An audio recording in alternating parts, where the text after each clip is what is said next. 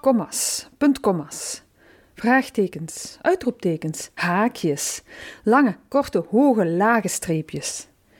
Zie je door al die krullenstrepen en punten soms de leestekens niet meer? En vraag je je wel eens af hoe we in godsnaam op het idee gekomen zijn om er onze teksten mee te kruiden? Wel, dan zit je hier goed. Mijn naam is Miet Ooms. Aangenaam. En in deze podcast, tot in de puntjes, laat ik je kennis maken met de mensen aan wie we onze leestekens te danken hebben. In mijn gelijknamige boek, verschenen bij uitgeverij Sterk en de Vrezen, ga ik nog wat verder.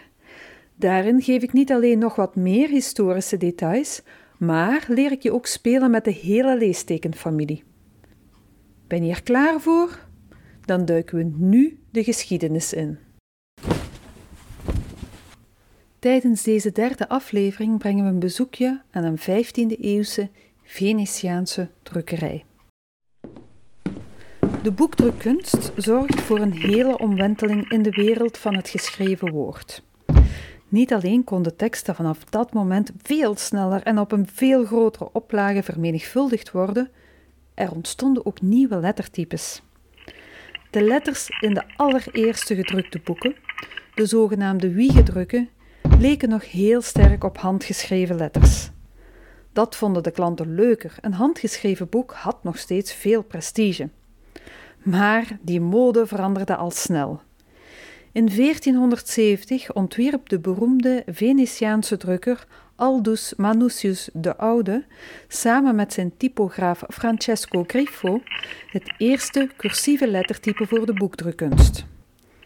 In de lettertypeset nam hij meteen ook een reeks leestekens op: de punt, de komma, het vraagteken, de dubbele punt, de haakjes en, als nieuwigheidje van Aldus zelf, de puntkomma. De komma bestond toen al in zijn huidige vorm van het krulletje, maar op dat moment verdrong het definitief de schuine streep als pauzeteken. Dat wil zeggen in de Romeinse of cursieve letterschriften.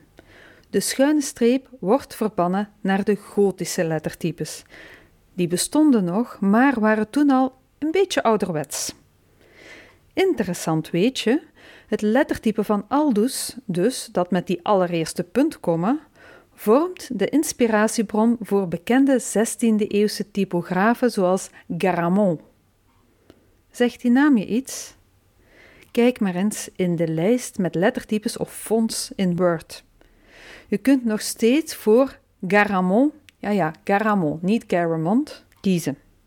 Al ziet dat er tegenwoordig wel een beetje ouderwets uit. Niet te verwonderen, want dat lettertype is dus al wel enkele eeuwen oud. Leestekens worden vanaf nu een stuk populairder.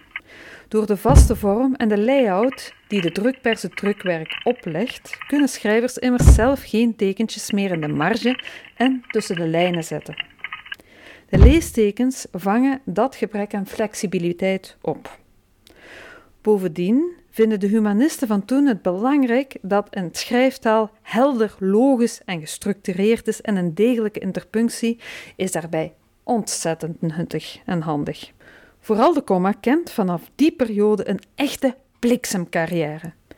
Het afbreekstreepje of het koppelteken blijkt dan weer een handig hulpmiddel om teksten binnen de strakke layout van het zetsel te laten passen.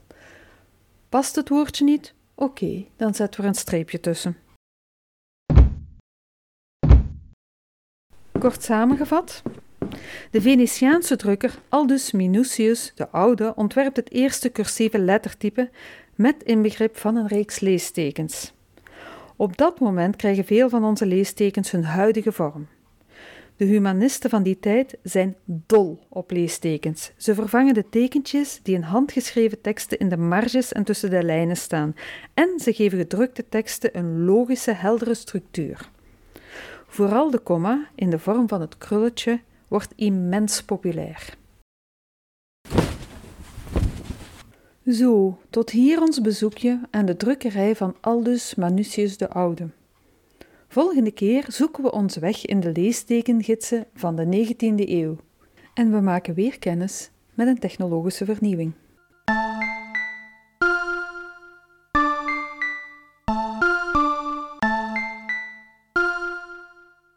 Je luisterde naar Tot in de Puntjes, een podcast van Miet Ooms over de geschiedenis van onze leestekens. Deze podcast is een smaakmaker voor en aanvulling bij het boek Tot in de Puntjes, Praktische Leestekengids, uitgegeven door Sterk en de Vrezen. Wil je nog meer weten over dit onderwerp of wil je zelf de spel- en gebruiksregels van de leestekens vandaag grondig onder de knie krijgen? Dan is mijn boek Tot in de Puntjes Praktische Leestekengids precies wat je nodig hebt. Het is verkrijgbaar in elke boekhandel, fysiek en online. De podcast zelf vind je in je favoriete podcast-app en op de website taalverhalen.be. Bedankt voor het luisteren.